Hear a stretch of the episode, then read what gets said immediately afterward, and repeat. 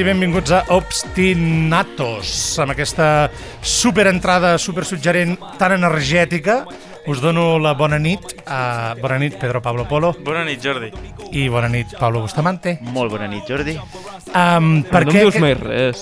Ai, Roger, perdona. Me- me tens abandonat. et, no, al revés, et tinc tan integrat a dintre de, de les persones que estimo que sento que sempre estàs dins meu. Oh, Excusa. Bé, això no sé si sona gaire bé, però... Dissabte a la nit és, el que té. Eh, aprovechar sábado por la noche que no se puede salir, pues mira. Exacto, Roger y aprofitant Jordi que- pueden hacer cositas después del programa. Ei, ei, ei. Sí, però ja, Tinc ja... més criteri que això. Apa, vinga, som-hi, amb el que ja t'estimo. Podeu anar al karaoke... podem anar al karaoke, po- o podem, o podem seguir uh, amb Obstinatos, que per això estem aquí. Molt bé. Uh, avui, avui parlem d'un tema molt, molt, molt guai, que a més a més va vinculat, efectivament, amb la música que sentíem de l'opening d'aquest programa. Aquí o sigui, programa aquí usando terminología, ¿eh? Clar, ara ho entendran, ara ho Ja, entendran. ja, ja, Avui parlem d'anime. Sí, sí, no em mireu amb aquesta cara. Jo d'anime no en tinc ni, ni fava, no, no, no en sé res de l'anime. Yo creo que yo creo que en Obstinato somos un poquito disidentes, pero pero nos hemos informado. Disidentes animáticos. Sí, sí. Pero nos hemos informado. Pero sí, sí, Nos hemos informado y, y- Pero de hecho yo hoy me he preparado y he venido dispuesto a aprender. muy bien. Eh, Ara si haguéssim tingut un redoble de tambores, eh, Roger? Eh? Eh, Roger? T'estimo tant que sempre penso en el que podries estar fent. Uh, madre mía. Eh, Sí, sí, no, no, no, no, pero, pero dentro de todo lo que hay en, en la casa tenemos un, un montón de gente súper preparada para el tema eh, y yo me he ido por allí a buscar información que ya les, les adelantaré en un ratito. Doncs guai, perquè ens farà falta. Perquè avui a l'estudi eh, tindrem a Masumi Mutsuda, Nadie más y nadie menos. nadie más i nadie, n- n- nada más ni nada menos. I qui és aquest noi? em lieu, em lieu. A mi amb, el, amb això del canvi idiomiat, idiom, idiomàtic em teniu fregit. Um, aquest noi és uh, bàsicament doblador. Ok. Ha, ha participat a, Pero se en, desdobla. De- Sí, de que se, do- se le doblan las rodillas y los codos. A lo vender de... Claro, pero tío, si vas a traer un programa de radio y alguien que no podemos ver que se dobla, pues no tiene mucho sentido. No, gràcies a Déu, gràcies a Déu, doblador en el sentit eh, eh, més fílmic de la paraula. Ah. D'acord. Ok. Uh, Posa les Masumi veus de personatges. ha posat veu a diferents personatges de diferents sèries de televisió, alguna pel·lícula... Bueno, no, no us vull avançar moltes coses perquè el tindrem aquí i podrem parlar amb ell directament i per tant, ara no és el moment de que us el presenti, però només volia que sapiguéssiu que tindríem aquí un autèntic doblador de veritat a l'estudi, no és cap broma, no hi serà per telèfon, no seré jo fent veus d'extraterrestre, Ni de señores muy viejos que se van a caer y se van a partir la boca cuando se caiga. Exactament, no, no serà això, avui és de veritat. I justament per això valia la pena que ens preparéssim una mica el terreny per saber de què coi hem de parlar. Estupendo. I em sembla que això ho ha fet el, Pe- el Pablo. Sí, sí. El Pedro, perdó. Bueno, Pedro Pablo. El Pedro Pablo. Pedro Pablo, Pablo, bueno, Sí, aquí... parlar de Pedro, parlar Sou- de Pablo és Sou pràcticament com el l'Oliver i. Benji de la ràdio. Uah. Eh, fina, fina aquí. Oliver. Fina la referència a l'anime, eh? Total. Sí, sí, pues mira, me, me he ido a hablar con la Clara González, que es estudiante de comunicación de la Autónoma y que además eh, es la experta en, en contenidos eh, audiovisuales orientales, por no Això, és, decir això és la forma moderna de dir friki? friki del anime. Vale. Total. Vale, és una Eh, super friki de l'anime. Y, Otaku, y- un diem ara. Bueno, no, porque los otakus son los que se visten de anime y tal. O sea, estos son más visuales. Pero ella sabe mucho y, y lo, y lo expone en la radio, no solo hoy en nuestro programa, sino que también en, las, en, las, en los programas de web radio, que son El Búnker y Famson. Fanzone, sí. Correcte. Y, y bueno, eh, hemos ido a hablar con ella y a ver qué nos cuenta y nos ilustra, porque la verdad es que lo necesitamos este, para esta noche de obstinatos. Clara González, hola Clara, ¿cómo estás? Hola, estoy muy bien. Estás muy bien. Encantada de educaros. Oh, muy bien. Eso, eso es importante. Yo creo que merezco ser educado en el mundo del anime. Eh, bueno, Clara González es estudiante de comunicación audiovisual y además también hace parte de los programas de, de web radio, el, que son el Búnker y Fanzone, donde normalmente le educa a otros inexpertos en el mundo del anime eh, y les enseña un poco sobre, sobre este, este mundo bastante interesante que cada vez tiene mucho más peso en el mundo del consumo eh, de medios y y de, qué sé yo, de cultura audiovisual, eh, porque no solamente es ver muñequitos en la tele, sino que tiene todo un background de música, eh, ilustración, arte, eh, etcétera, etcétera, bueno, narrativa, historia, que siempre es muy interesante porque además de una cultura que es en tanto tan lejana como tan, tan cercana, que es la japonesa, pero que busca también aproximarse a Occidente, o no sé si es una intención, pero, pero sí que lo hace de todas maneras, que es a través de- del anime. Por eso, bueno, lo primero que creo que debemos saber todos es qué es el anime. Pues el anime son básicamente toda la animación que podemos encontrar en Japón. Puede ser desde series de dibujos como mm, el Doraemon o películas enteras como las películas de Doraemon. Ok, Doraemon siempre es un buen Siempre ejemplo. es un buen ejemplo. O puede llegar a ser hasta, por ejemplo, youtubers virtuales que están saliendo ahora, que se llaman VTubers, Wow. que hacen vídeos y live streams de mm, ellas siendo personitas animadas. Todo eso es anime. Toda animación, Toda la animación que proviene de Japón básicamente es anime. o sea que si tiene forma de anime pero es hecha en Estados Unidos, ¿no es anime? Eh, Por ejemplo, no. Pokémon. Eh, Pokémon está hecho en Japón, así que es anime, Me- pero... Me parece muy bien. Eh. Aquí educando papá. Pero básicamente, por ejemplo, en España lo que sí que están intentando hacer ahora es Planeta Manga, que es eh, en escrito en forma de revista, una imitación del Shonen Jump, que es la revista más popular de, de manga de, de- de Estados Unidos, no, de Japón. Y básicamente hacen cómics. Yo consideraría, en- mi, en mi conocimiento, yo lo consideraría cómics, aunque están muy inspirados en el manga. En la cultura japonesa. Sí. Ok, bueno, y ya, que has hablado del manga, ¿qué diferencia hay entre el manga y el anime? Eh, mm, básicamente el anime es todo lo que está animado y el manga son los cómics que salen de, de esos animes o al revés. Pueden ser lo- los típicos eh, cómics que se leen de- del revés, que están hechos en blanco y negro para ahorrar dinero, eh, que se hacen, estos cómics se pasan a anime o han pasado bastantes casos de animes que después han hecho cómics porque ha sido muy popular. Como por ejemplo eh, One Punch Man empezó siendo un, un manga, que es un, un webcómic online, que después se hizo anime de lo popular que llegó a ser ese webcómic y ahora han contratado a un dibujante y están volviendo a hacer el manga bien dibujado. Wow. Vale, y imagino que como, bueno, tú lo has dicho, eh, el anime es la animación. En, en este saco caben una infinidad de cosas. Me imagino que habrá categorías. ¿Qué tipos de anime hay?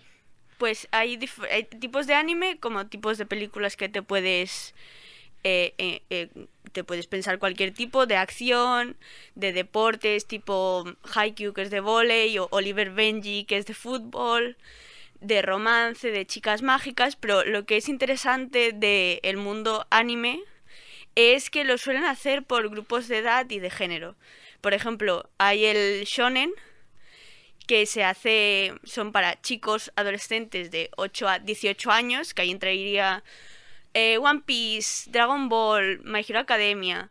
Y después, por ejemplo, hay el Seinen, que es lo mismo, pero para un público masculino más mayor, que entraría, por ejemplo, eh, Tokyo, Tokyo Ghoul. Y después hay la versión mm, femenina, entre comillas, que es el shoujo, que entraría pues ya las Magical Girls en plan Sakura, la Magica Doremi, Fruits Basket, que es más así telenomelón, romance, dramote.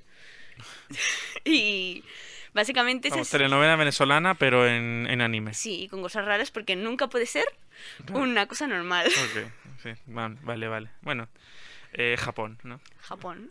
Japón. Eh, mm, ok, entonces hay shonen y hay...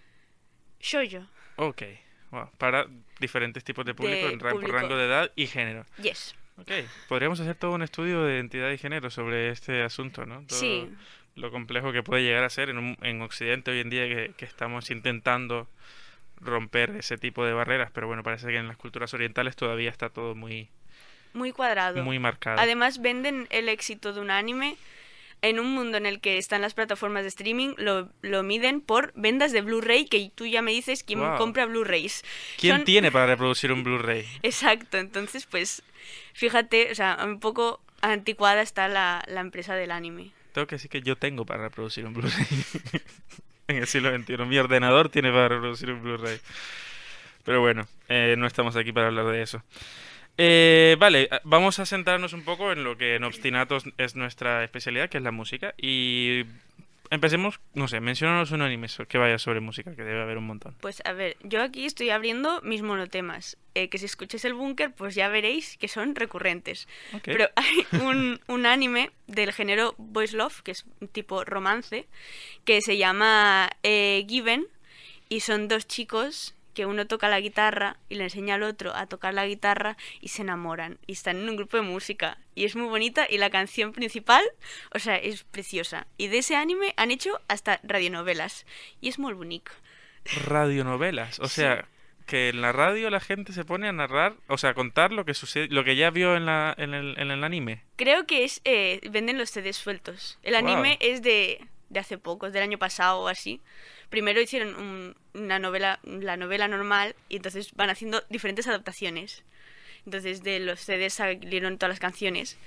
Y de momento yo lo que he visto es el anime y me he enamorado y quiero que salgan ya todas las temporadas. Tremendo. ¿Y cómo sería una... O sea, y, y entonces para la radionovela en castellano, ¿hay, hay- ¿se hacen? ¿O si no sabes japonés te jodes? Eh, exacto. Vale. Segunda opción. Vale. Cuesta encontrar animes en castellano. Ya, como para que Eh, haya radionovelas japonesas exacto. traducidas, ¿no? Bueno, hay que, hay que introducir. Igual es que estamos aquí perdiendo una oportunidad de mercado, ¿eh? De adaptar Given. Total. Vale, eh, hay, un, hay otra cosa que creo que es muy, muy, muy llamativa, que yo creo que todos los que hemos visto anime en algún momento de nuestras vidas eh, nos, nos ha parecido particular, y es que siempre es muy importante la canción o el tema que abre el, la- el capítulo y en la que lo cierra. Y creo que esto va cambiando a lo largo de las temporadas, o bueno, tú me contarás los endings y los openings, o los openings y los endings en orden, ¿no? ¿Qué, qué nos puedes contar de esto? Mira, esto es un ataque personal, porque hay dos tipos de persona. Los que se los saltan y los que no se los saltan. Entonces, yo suelo ser de las que se los salta. Pero voy a Uf. defenderlo como si no me lo saltase. Ok, Es no- un- no- no- es- haz como que esto no ha salido en Radio Nacional. Exacto. ¿vale? No, Radio Nacional, no me salto ningún anime. Muy bien. Entonces, es importante la canción de entrada, primero porque suele ser un temón temazo, y segundo porque te suele avanzar la trama de lo que va a pasar en toda la temporada o en ese arco mm, principal. Por ejemplo, pongo dos ejemplos. El primero es eh, en Goku Garashi, que es uno, un anime de miedo, en el que si no te saltas el opening, ves cómo va cambiando dependiendo de lo que va pasando. Entonces, al principio es super cookie y después cada vez es más zombie. Por lo tanto, en ese, si te saltas el, el opening, pues te, te saltas una parte, te, te- te falta una, una parte del anime. Y el otro, en el que no me salto los, los openings porque es fantástico, es JoJo's Bizarre Adventure, que en musicalmente, gente de obstinatos fanses, es fantástico Vale, apuntado. apuntado, eh, porque en cada arco cambia el opening y también es esto que va añadiendo, va añadiendo a partir de lo que va pasando, hay cosas que cambian y que, que son temazos, o sea, tú te relajas, escuchas la música y después te preparas mentalmente para lo que va a pasar. O sea, Eh. que podremos decir que, que hacen parte de la narrativa, entonces, los openings y los endings. O sea, no es como un simple, una simple canción de cierre y una simple canción de, de apertura. Eh, sobre todo las canciones de apertura, las de cierre también, pero menos, son más misceláneas si te lees la, la letra. Pero las canciones de, de apertura suelen decir de qué va el anime. Por ejemplo, la de Fire Force, la primera temporada, te explica de qué va el anime, de que van juntos para luchar contra el mal. Entonces lo hacen de una manera muy lírica, pero sí te, avanzan de qué va el anime. Wow. Bueno, y ya para acabar esta muy, muy resumida, porque la verdad es que sé que es un mundo del que se podría hablar horas y horas y horas, eh, si no digámoselo todos los frikis que se van a las convenciones de anime a, a aprender sobre el mundo del anime y a compartir su amor por esto, em, te voy a pedir dos recomendaciones. Una, del anime que más quieras ver, o sea, que, más, que estés viendo ahora, o del que más te guste y quieras que veamos o nos quieras compartir. Y dos, de una banda sonora o de una canción de algún anime que te guste. eh, de canciones, eh, yo os recomiendo que os veáis yo y escuchéis todas las canciones. Porque, por ejemplo, Journal's Theme, que es de la última temporada, eh, sí es la canción de un meme, pero cada vez que lo escuchas en, en el anime, en la, parte 5, te da un subidón de adrenalina de sabes que va a destrozar al enemigo, que es la mejor canción de la historia, Journal's Theme. Y de anime en general, pues tal vez no por la música, más por la trama, pero Full Metal Alchemist tiene un espacio en mi corazón que no lo va a reemplazar nadie. O sea, son mis bebés y no lloré con ningún otro anime más que con este. Así que ve, mirarlo y los openings también de Brotherhood son fantásticos. Pues muchas gracias, Clara. Y gracias a, a ti por venir al programa. Y nada, también aprovechar y, decirle a la gente de- que nos escucha en Obstinatos que también escuche el Búnker y Fanzone, tu sección sobre la cultura oriental, que no es por menos una de las cosas más interesantes que he escuchado últimamente en UAB Radio. Y que nada, eh, gracias por venir.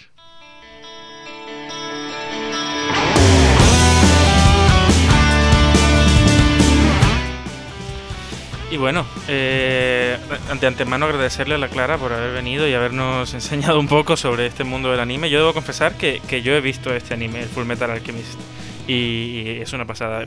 Eh, la trama es súper interesante y, y yo creo que también debemos abrirnos un poco a la, a la cabeza de que, de que el hecho de que veamos dibujos animados no quiere decir que, que es algo solamente para niños y que yo creo que a todos nos entretendría de la misma manera. Eh, eso sí, bueno, nos ha hecho un resumen bastante, como dice el nombre de la palabra, resumido, bastante Bueno, bueno, a mi m'ha semblat, a mi m'ha semblat que era l'enciclopèdia catalana de de l'anime. Pues- Ja perdonaràs, eh? No, no, pero, pero, yo, pero del anime se puede hablar horas y horas y horas y yo creo que nos ha hecho un buen recorrido bastante fácil y bastante entendible para que además ahora nosotros le demos el pie a lo que nos atañe, que es la música. Òbviament. Así es, que es la música.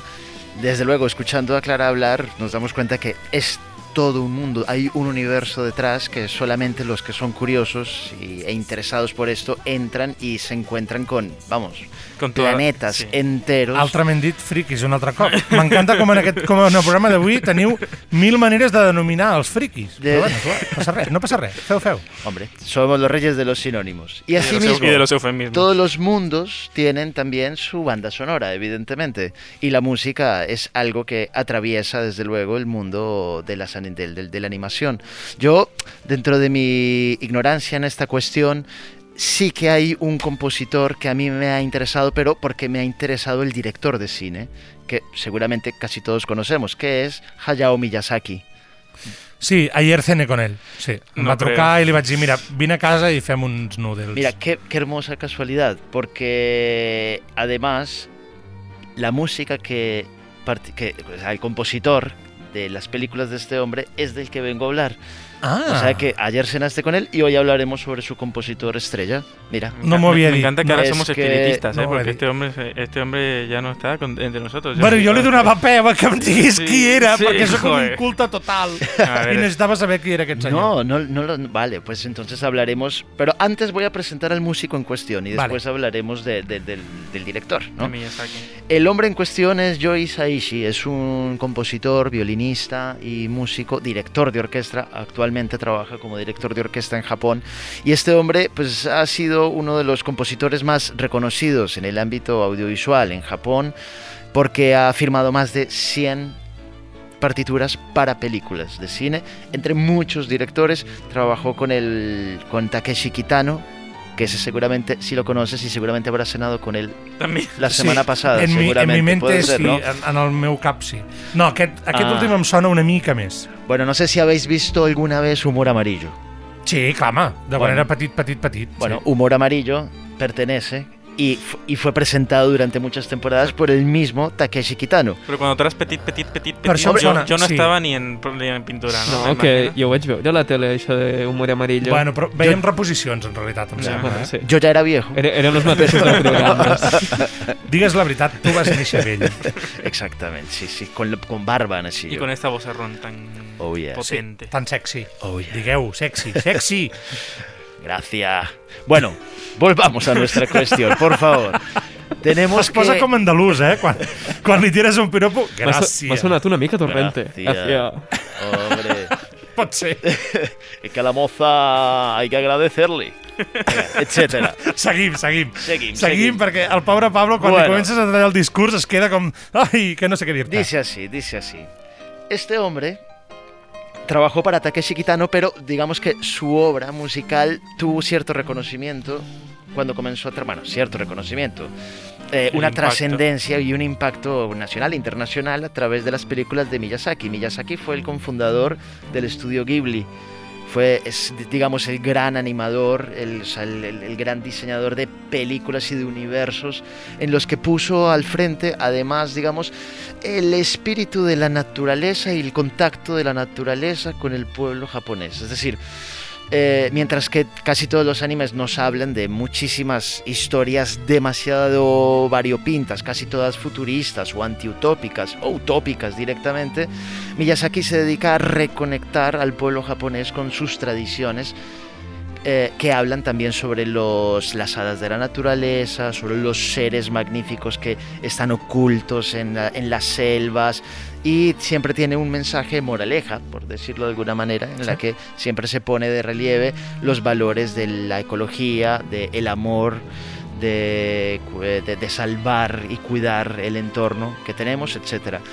Así que eh, nuestro compositor, Joe Hisaishi crea el universo sonoro y lo crea de una manera realmente notable. ¿Cuál es su verdadero mérito? Su mérito es que él fue capaz de comulgar unas melodías tradicionales de Japón con un lenguaje orquestal occidental. Por lo tanto, podríamos decir que une Asia y a Europa en su música. Y esto, evidentemente, es- tiene un calado, tiene una hondura potente, porque no muchos compositores se han dedicado a tender ese puente. Ahora, Y, que normalmente es al contrario, ¿no? Normalmente es la cultura occidental apropiándose de clichés Claro, exacto, asiáticos. Y, exacto. y este es el caso al contrario, ¿no? Es el mundo exactamente. oriental trayendo a casa al mundo europeo. Exacto, y es como también Asia interpreta, digamos, esa cultura musical eh, europea. Eh, ahora, musicalmente hablando y como músico, no hay una propuesta nueva en la música de Isaichi. Su método de orquestación, pues directamente imita a los grandes compositores y orquestadores del barroco al romanticismo europeo. Imitar es una palabra muy fuerte, ¿eh, Pablo? Eh, sí, y no tengo reparo. Es que yo tuve una discusión, yo tuve esta, esta misma discusión muy, a- muy agradablemente. No acabamos a los golpes eh, karatecas. A lo habitual que lo- tu, no? Et porta la Pero, pero sí tuvimos una discusión ah, escuchando un concierto de Isaichi, eh, justamente interpretando toda la música de las, de, de- de las bandas sonoras, de las grandes bandas sonoras de Miyazaki, y en la que yo noté una cantidad de, de- de- de similitudes, pero similitudes que rozan lo, aquesta paraula, imitació que claro, es, una, es una palabra fuerte, pero que yo no tengo reparo en utilizarlo aquí. Porque también en música siempre nos dedicamos a hacer referencias, siempre nos referimos a o nos apoyamos a, ¿no? Cai, perquè en el fons tindria un cert sentit, no? Si el que estàvem dient és que estira aquests ponts, no? Fa, genera aquests ponts entre una música Claro. i una altra, diguem que, que el que ella portava a la música podia ser tot el seu material autòcton i que, per tant, després l'estructura formal podia adaptar-se, copiar-se, assemblar-se... Claro, Y que además, y que si, si, si, lo, quiere- si que lo queremos mirar desde un punto de vista de marketing o y a nivel de industria, yo o sea, no, no creo que sea casualidad que este tipo de, de animación llegue tan lejos, ya que utiliza eh, son- sonoridades que, que no son no son reconocibles. claro. Sí, sí, es verdad. De hecho, también hay que decir que Isaichi eh, a la hora de orquestar es un hombre muy musicalmente muy delicado, o sea, es decir, utiliza el lenguaje de una manera muy sutil, también dentro de esa de esa humildad, digamos, esa sobriedad japonesa, ¿no? Por lo tanto, es, es atractivo. Traigo varias curiosidades, traigo un par de curiosidades que nos pueden ser útiles justamente para ver y hacer esa, esa, esa comparación entre música europea y música de Isaichi que nos puede parecer más o menos similar, más, más que menos. Bien, la primera curiosidad que os traigo es el Requiem eh, de Nausicaa, que bueno, es una hermosa película ¿no? Eh, de Miyazaki, y la podemos escuchar ahora mismo.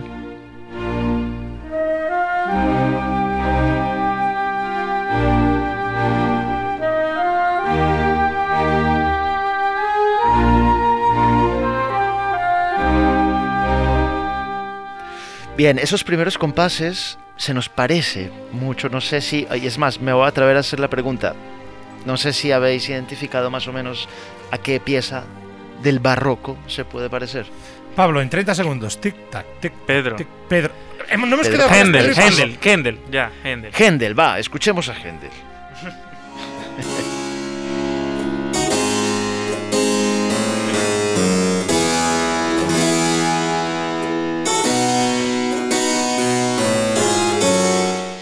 Bien, y ahora os traigo esta, esta obra de la película El vuelo de Ponyo, que suena así.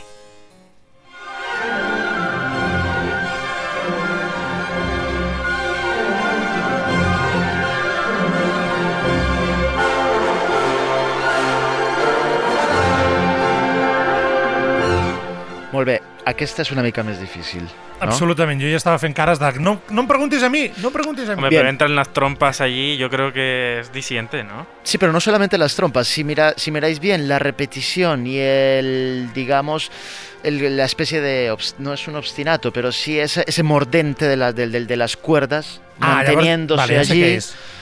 Se parece o es casi igual a la misma progresión, a la misma orquestación de las Valquirias de Wagner. Ahora y sí. sobre todo con esa trompa. De hecho, en el minuto, en el segundo 30 de la versión de, de, de Isaichi hay una modulación que es exactamente la misma que hace Wagner en esta misma introducción.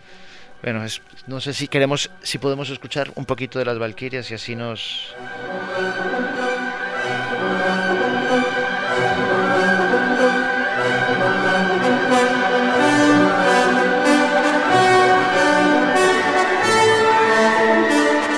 Si veis bien, a esto me refiero yo con la dulzura del- de, este compositor japonés. O sea, mirad la de diferencia. Aquí, o sea, claro, es- esto es una orquestación eh, wagneriana, potente, fuerte, con mucho carácter. Isaichi hace lo mismo, pero de un, con un estilo mucho más delicado. Intenta hacer lo mismo, crear el mismo efecto, porque es el vuelo de uno de sus personajes, que esa escena es una escena en la que hay vuelos, hay mucho movimiento eh, que también representa lo que son las valquirias, ¿no? Que son las valquirias descendiendo, ¿no? El vuelo de las valquirias y el viento agitándoles esos cabellos. Bueno, así que, bueno, digamos que estas dos joyas las he encontrado. Luego hay muchas otras comparaciones que se podrían decir, pero lo voy a dejar aquí porque tengo muchas ganas de escuchar la entrevista del famoso doblador, que solamente he escuchado a Bender de Futurama hasta ahora y me gustaría poder escuchar a otro doblador. Doncs som-hi, anem a ello.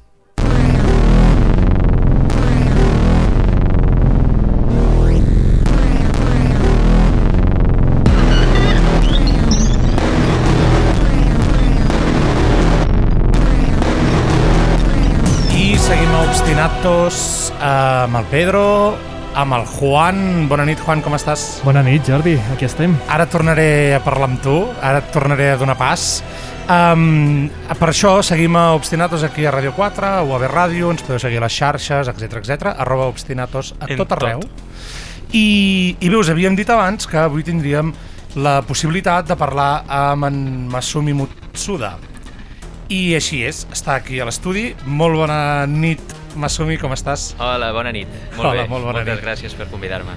Uh, bé, et deia abans que li tornaria a donar la paraula al Juan perquè el Juan és el, el super el superconnector o el superconcentrador d'energies que ha fet possible que això passi avui aquí i, bueno, bàsicament perquè jo ja m'he confessat abans de començar el programa no en tinc ni idea del món anime i l'únic que he pogut fer ha sigut un curs accelerat eh, amb la Clara, que ens l'ha fet aquí el, pa, el, el Pedro i, i la Clara.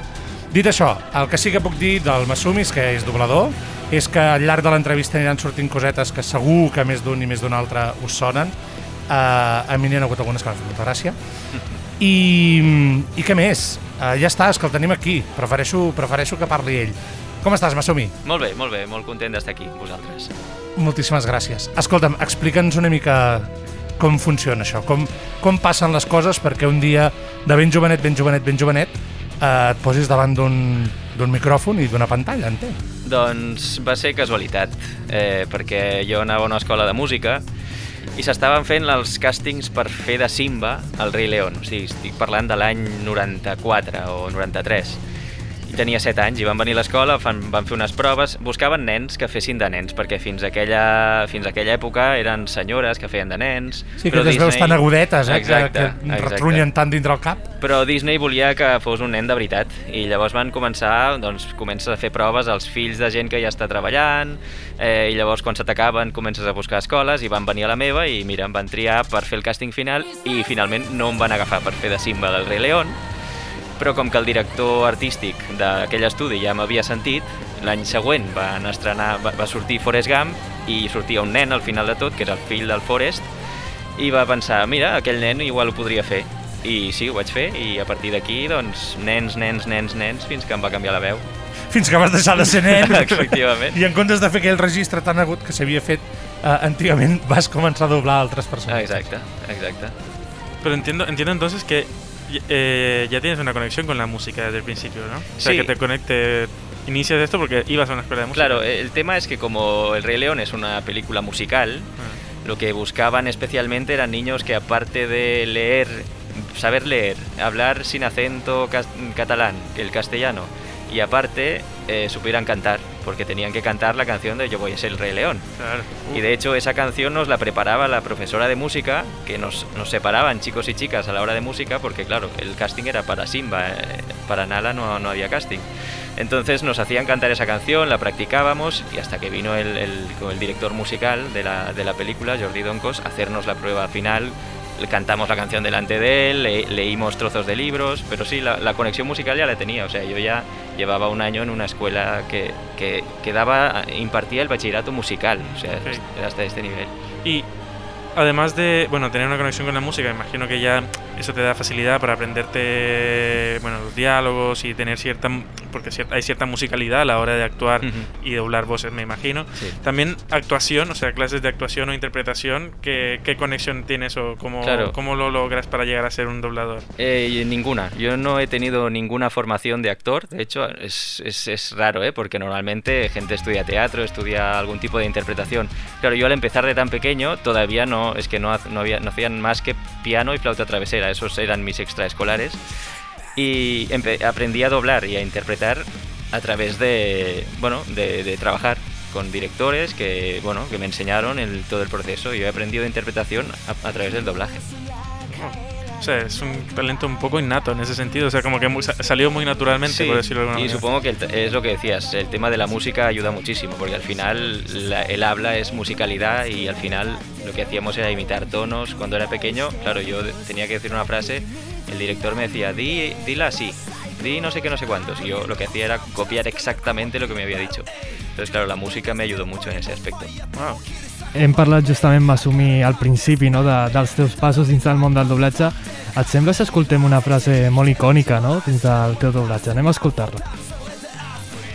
Voy a enseñarlo en el colegio porque sé que la abuela te lo leía. Mi libro favorito. Ah, bueno. Aquí tienes.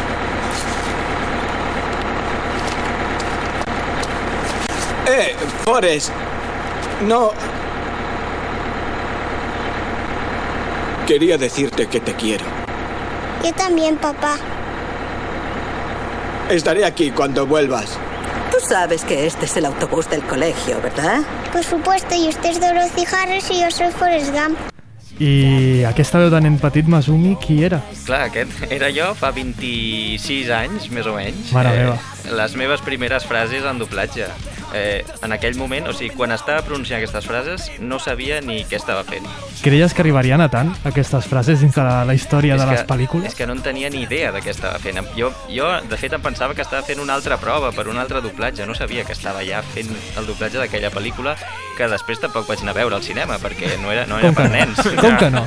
Llavors era com, vale, ok, no sé què estoy haciendo. O sea, o sea que si no, en ese momento no tienes esa conexión con, con la peli, cuando, cuando, cuando eres un poco más grande y la escuchas o la ves, Claro. ¿qué, qué- qué sientes? Bueno, es como, eh, es cada vez que la veo, es para mí ver esa escena es recordar el primer día que estuve delante de- en una sala oscura, en una pantalla de cine y con un director de doblaje, es que es- fue, fue el día que empecé, o sea que al final me, me vuelve a ese, a ese día. Wow.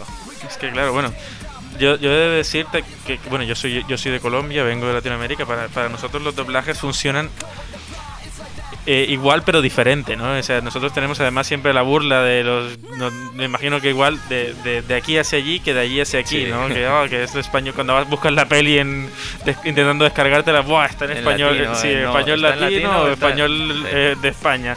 Y es como, bueno, es... es- La idea de español de España m'encanta. Ya, bueno, ja està, però- ja està. Era un apunt, era un apunt que Pero volia se dice perquè- así, es que se dice así. Apunta, y- Jordi. Ho tractem, ho apuntem i ja està, tu. És el Sí, que sí. hi ha. Eh, justament estaves parlant, eh, Masumi, de que feia 26 anys d'aquest doblatge. Tu deies que en aquella època tu ets els old school, eh, de la classe Mhm. antiga, que no utilitzaven això que tenim nosaltres posat, els, Clar. els cascos ara mateix. Clar, és que... Com era actuar d'aquella manera? Clar, en aquella època la tecnologia no era com ara. Eh, les, les pel·lis anaven, primer que anaven amb bobines i quan tiraven enrere tu veies el rebobinat i havies d'esperar-te a, a que acabés el rebobinat. Això ara és un botó i pam, i te vuelven al punto, no? I el tema dels cascos, igual. Abans no hi havia una opció d'escoltar l'original mentre estaves gravant. Llavors el que feies era, bueno, a, a, ara encara ho fem, eh? però escoltar l'original, treure el so i recordar com ho has d'interpretar era simplement que no, no, no senties l'original per sota. Vull dir, és una, és una manera diferent de fer-ho. Diferent, però si has d'escollir entre els cascos i, i no portar-los, A quina va- seria... Clar, depèn. O sigui, si vols, si tens molta pressa o, o t'apreten perquè, pel que sigui, clar, els cascos t'ajuden a no haver d'agafar certes referències, per exemple, si la frase està en off o comença d'esquena i no veus la boca i tal, clar, si no tens cascos has de recordar-te exactament d'on comença. Clar, ara, ara sí que hi ha uns numerets, el TCR, que veus els números i dius, "Ah, en el 8 entro. Però antigament no hi havia ni això, llavors era com, vale, cuando el reflejo del globo eh, pase por delante de la, de la pared, entonces tengo que entrar. Aquest tipus de referència, amb els cascos no cal que les agafis, llavors pots estar una mica més lleuger. Però a nivell interpretatiu sí que és veritat que a mi m'agrada més no anar sentint l'original per no anar-me contagiant en temps real. Havies de donar-li aquest punt de, de creativitat, potser, no? A Exacte. l'hora de dir, vale, Exacte. entro aquí i aquí és on, on Sí. començo doncs, a, a doblar. Te, te puedo preguntar ya un poco, o sea, porque claro, estamos hablando aquí con, con la naturalidad del caso, pero yo, yo tengo, yo todavía no me hago la idea, o sea, cómo es un día de trabajo, o sea, Vale. cómo, cómo funciona, qué, qué es lo primero que pasa cuando, cuando te haces una audición y, y te, y te Vale. deciden, te escogen como Claro, personaje? normalmente en la mayoría de casos no hay, no hay prueba, es el director de doblaje el que escoge el casting y dice, vale, pues este hará este. Entonces te llama directamente el ayudante de producción o la ayudante de producción y te dice, vale, ¿cómo lo tienes la semana que viene, el día 21 por la mañana, para hacer empezar esta serie con este director? Y le dices, vale, pues puedo, ok, cita concertada. Llega ese día, pero no, muchas veces no sabes ni qué serie, ni qué personaje, ni, en- ni muchas veces ni en qué idioma. Llegas ahí y el director te pone un poco en situación. El director de doblaje, bueno, entras a la sala, ¿no? Sala 5, vale, entras ahí y el director te dice, vale, mira, esto vas a hacer una serie que se llama tal, haces a este personaje, te pone en situación, te explica todo el contexto que tú necesitas para tu papel, a veces te hace spoilers porque no hay más remedio, y luego ya, bueno, tienes tu guion que ya ha sido traducido, adaptado eh, y está perfecto, bueno, depende, pero normalmente está perfecto. Y te pasan ya, bueno, los trocitos de... Está el guión partido en trozos, en takes, y te pasan un take, lo ensayas y lo grabas. Eh, y vas haciendo así durante toda la mañana, o no, depende de lo De lo largo que fácil sea el o de lo- papel. ok. Després et preguntarem una miqueta amb la relació no, d'aquest muntatge dins de l'anime. Estaves dient d'aquests inicis, estàvem parlant d'aquests inicis. Què et sembla si parlem una miqueta del teu canvi de veu? Fem una cosa, escoltem aquest tall, a veure què et sembla i després ens comentes.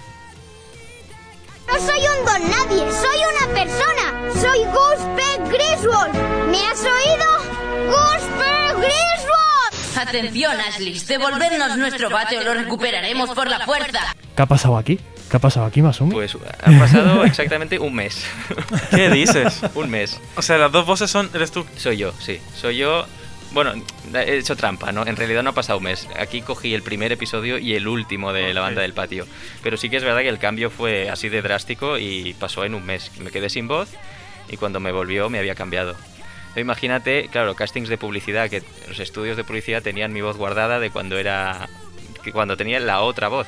Y me llamaban, oye, para hacer un anuncio de cochecitos de bebés, no sé qué, no sé cuántos. Y claro, me presentaba ahí, hacía la prueba y me había cambiado la voz y era como, "Eh, esto no es lo que teníamos guardado. Pues durante un año así, Wow. renovando los castings porque me había cambiado la voz. A més a més, eh, el personatge que interpretes és un dels personatges mítics no? de, del món de les sèries, la banda del patio Gus. Sí, Encara, sí, sí, sí. encara et recorden per, a, per aquell paper? Sí, sí, sí, un, és un dels personatges més icònics que he doblat, perquè clar, el passaven cada dissabte en prime time a Disney Channel, bueno, primer a Telecinco, després va passar a la U, bueno, ha anat canviant de canal i l'ha vist moltíssima gent. Clar, molta gent se'n recorda molt d'aquest personatge. I tant, i tant, i tant. Fem una cosa, potser tanta gent no se'n recorda d'aquesta música que escoltarem tot seguit. Potser a tu et sona, no ho sabem, però anem a escoltar-la, a veure si, si et sona o no.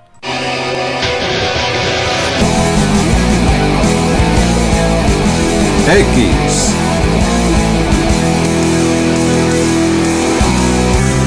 El fin del mundo llegará.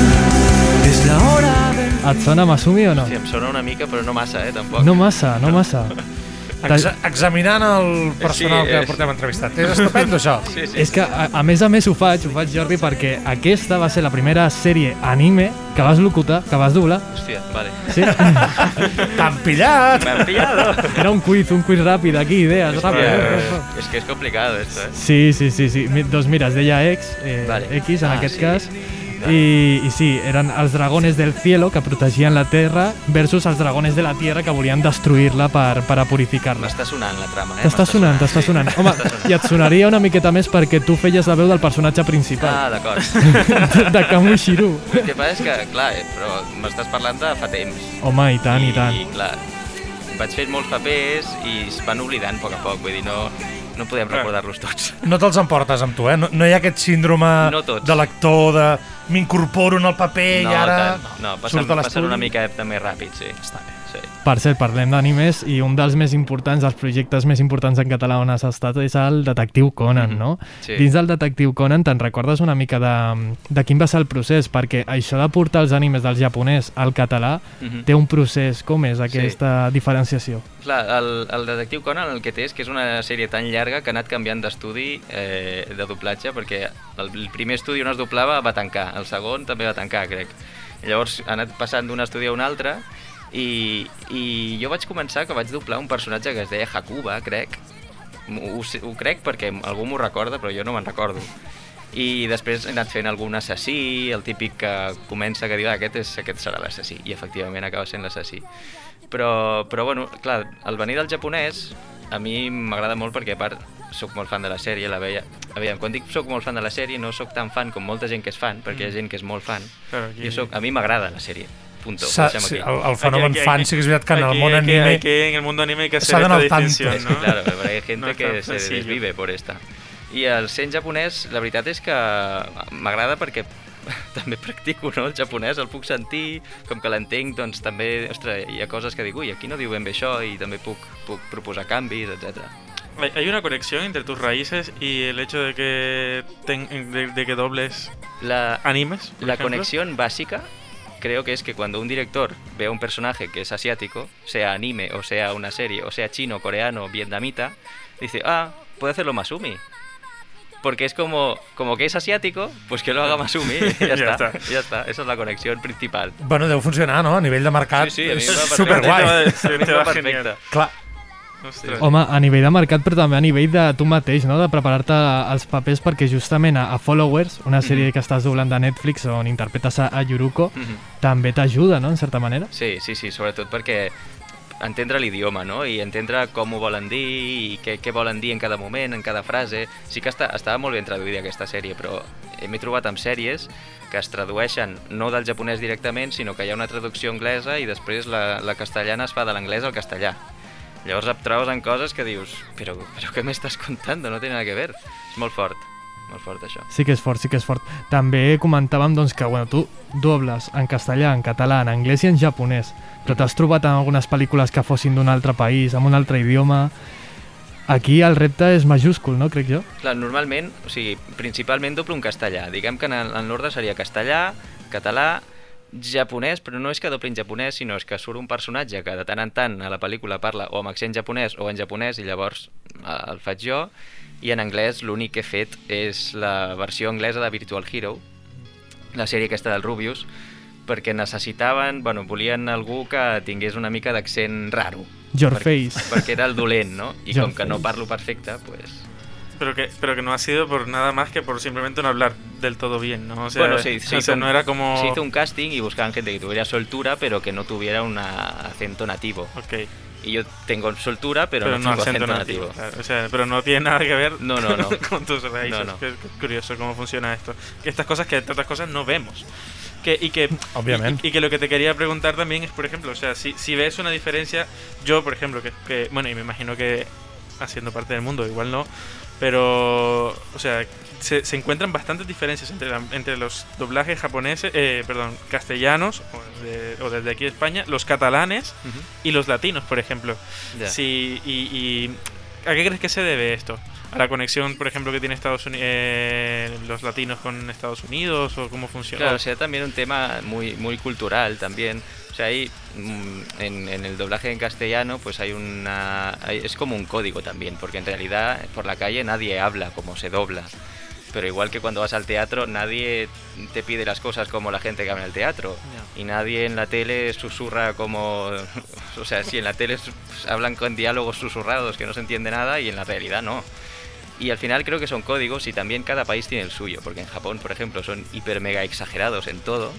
O sea, tienen lo que aquí se, se ha llamado doblajitis, como una, una cosa que casi artificiosa, muy exagerada. Y aquí, en cambio, en España se busca muchísimo la naturalidad dentro de lo que es el código del doblaje para que no quede una cosa artificial. Eh, creo que es un tema más cultural que, que otra cosa. Ok. I Justament m'assumi per això que et deies que són molt de doblat hitis, o no Sí. sé com ho has comentat ben bé. Eh, tu quines diferències trobes interpretativament a l'hora de, de doblar un anime? Canvia alguna cosa? En realitat no, jo intento donar-li la mateixa naturalitat que li donaria a un personatge de carn i ossos. A no ser que, clar, que sigui un dibuix animat tan tòpic, típic, característic que no es pugui, no? Però generalment el que busques és assemblar-te a l'original. Què passa? Que amb el japonès molts cops eh, són tan exagerats que hi ha coses que no, no et creus en castellà. Llavors has de traduir la interpretació en algo que a nosaltres ens sembli creïble però i en el, i en el cine, cinema igual, el que busques és eh, que no es noti. O sigui, el meu objectiu amb el doblatge, fent un doblatge, és que no es noti que està doblat, que tu ho vegis i no hi pensis en el doblatge. En aquest sentit, eh, t'és més senzill eh, doblar a un humà que a un dibuix animat? Depèn molt de l'animació del dibuix animat, perquè hi ha dibuixos animats d'aquests que van obrint la boca i a trompicons i com molt raro, que és molt complicat, i després hi ha els superdibuixos animats d'aquests tipus Pixar que són quasi humans. O sigui que realment al final sí que és veritat que és, és més fàcil un humà a nivell de que amb la mirada també te, et dona molta informació que un dibuix animat no tant. Vale, y yo, yo te quiero hacer un par de preguntas sobre música, que realmente eh, es, es nuestro tema, ¿no? Es de lo que más o menos podemos controlar. Y la el primero de todo es, tomando un poco, eh, conectando con lo que nos decía Pablo antes de que, antes de que entraras y hablaras con nosotros, sobre cómo, por ejemplo, eh, el compositor del estudio Ghibli eh, tenía como mucha conexión, o Ujú. buscaba la conexión con, con Occidente a través de la música que hace, como lo decía, en el siglo XIX pasaba al revés, ¿no? Que Debussy cogía y traía todo lo oriental y ponía cinco- eh, Mm. la, la escala pentatónica a todo y venga, ya bueno, aquí... sí, esto es- portava o, o creia que estava portant, no? To- exacto, El, el, el món del... que lo que hizo fue básicamente coger cosas del himno de China y ya, todo esto Ya. es Oriente Es y Oriente. venga. Y, y yo supongo que un poco más sofisticado, un poco más actualizado lo que se hace con, con el anime en, en la mayoría de bandas sonoras, porque sí, hay que, hay que reconocer que en la mayoría de bandas sonoras, al menos las que yo he escuchado y, y las que también he investigado, eh, la conexión con Occidente en términos musicales es, es impresionante, tanto así que ha dado origen, a, a- a- bueno, no ha dado origen, pero tiene una conexión directa con el J-pop y el J-rock Sí. que son géneros digamos, bueno, ya globales, pero, pero, pero busca- buscando un- una expansión hacia Occidente. Sí. ¿Qué, ¿Cómo lo ves tú? ¿Qué, qué puedes decirnos de, de esta conexión de los animes, de los openings, de los endings y los temas con Occidente, de estos clichés? Claro, imagínate, o sea, antes habláis de Joe Hisaishi, imagínate su conexión, si es fuerte con Occidente, que su nombre en realidad es Mamoru no sé qué, pero su apellido no me acuerdo, pero él eh, eh, se inspiró, o era muy fan de Quincy Jones, el compositor Ah, claro, de- americano. productor de Michael Jackson. Efectivamente, y lo que hizo es, eh, su nombre, Quincy, escrito en japonés, se puede escribir, transcribir como Ku-ishi, eh, que se puede leer también como Hisaishi, y Jones lo tradujo como Joe. Claro. Entonces él es Quincy Occiden- Jones, Hisaishi Joe. Esa es Occidentalizó su nombre. completamente, esa es su conexión. Y sí que es verdad que, claro, en el mundo tan globalizado que estamos ahora, el otro día escuchaba no sé qué grupo, sobre todo K-pop ahora, porque es lo que está de moda. Y, y son totalmente, es que son Justin Biebers eh, coreanos, Coreanos. Eh, pero es un tema de la globalización, ¿no? Al final que, bueno, si esto funciona aquí, ¿por qué no va a funcionar ahí? Si, en, si el opening y el, el ending son lo que más se oyen y sirven para promocionar música, pues vamos a hacer temas, que temazos que, bueno, occi- occidentalizados, que funcionen en todo el mundo y, y para adelante. Y una, una otra pregunta. Eh, una otra pregunta. Eh, Molt bé, ¿cómo- Pedro. ¿Cómo, se me sale? També t'estàs occidentalitzant. Sí, sí. Fas molt bé. vaya, vaya. Eh, otra pregunta. ¿Qué, una, una banda sonora de, de anime o de películas o de, de series que te, que te haya marcado? Eh, ostras, qué pregunta más complicada. Eh, Es que te hubiera dicho también, es que yo soy hiper mega fan de Joe Hisaishi Ah. y te hubiera dicho lo mismo. Además, toco el piano, me gusta, tengo sus libros, toco sus canciones, te, te hubiera dicho la misma. Bueno, mira. Poco original, pero No, no, no. es lo que de ninguna manera. Si us sembla bé, canviem radicalment de, de terme, vale? perquè és una cosa on tu ets molt famós, eh, Masumi. Anem a escoltar una història que et va succeir no fa molt, A a veure, a veure per on va, a veure per on va. Estábamos navegando tranquilamente por la costa valenciana, observando a las gaviotas e incluso probando nuevos deportes de agua, cuando de repente hemos encontrado una zona muy bonita que parecía inexplorada, con un salto de agua en el centro, una preciosa playa a la derecha y una cueva misteriosa a la izquierda. Hemos nadado los 300 metros que nos separaban de la orilla para explorar. Aquí podéis ver dónde teníamos el barco fondeado y algunos miembros de la tripulación acercándose nadando y en Zodiac. Y justo ahí, la... ¡Cascada! El agua caía con mucha fuerza, pero aún así nos hemos puesto debajo y nos hemos hecho algunas fotos. Una vez de vuelta en el barco, se nos ha ocurrido buscar el nombre de la cascada en internet. Y... Vertido de aguas residuales en el Parque Natural de la Serra Gelada. Bandera negra para la cascada de la mierda de Aldea. Ecologista por el vertido de una depuradora en Aldea. En fin. ¿Alguna pregunta? Estem parlant del millor muntatge de la història de TikTok. Hòstia, mira que el vaig fer ràpid i sense, sense pensar que arribés enlloc. I, hòstia, a TikTok i a Twitter ho, ho ha patat bastant. I és una història traumàtica, al final. No, no té cap mena de... O sigui, és... és, és, és... No, a tu no, no et va fer gens de gràcia. en Bueno, en realitat sí, al final vam riure, però quan ho penses en retrospectiva és, hòstia, que mal, no? O sigui, eren unes vacances, a més, que havíem d'anar a Formentera. Per mal temps van dir, bueno, pues no vamos a Formentera, anem a Benidorm. Saps? Bueno, Que això ja és una que mica exacte, càstig diví, que eh? Això ja és una Sí. miqueta lame. Bueno, doncs estem amb el barco i estàvem en plan, bueno, pues vamos a Benidorm, i tranquil·lament. I de sobte, jo, a més, vaig ser jo, que vaig veure una cascada i jo, hòstia, mireu aquella cascada, eh, anem, anem, anem. Bueno, vam anar a la cascada, ens vam banyar, i després de tornar del barco, pues, el que he explicat, desastre. El desastre, el desastre. Eh, doncs et trobem com a arroba Mutsuda, tant a TikTok com a Instagram, com a Twitter, et tenim per allà, no? Perquè fem una miqueta de, de promoció, no? Sí, tranquil. Et rebentarem La les promoció. xarxes, no pateixis, no pateixis. La promoció. I ara, Jordi, tot teu, perquè acomiadis el nostre personatge il·lustre d'avui. Doncs sí senyors, acomiadem el nostre personatge il·lustre d'avui i de fet acomiadem el programa ja i ens n'anem perquè dormir. quasi bé arribem ja a l'hora exacta, al, als nostres 60 minuts i escaig.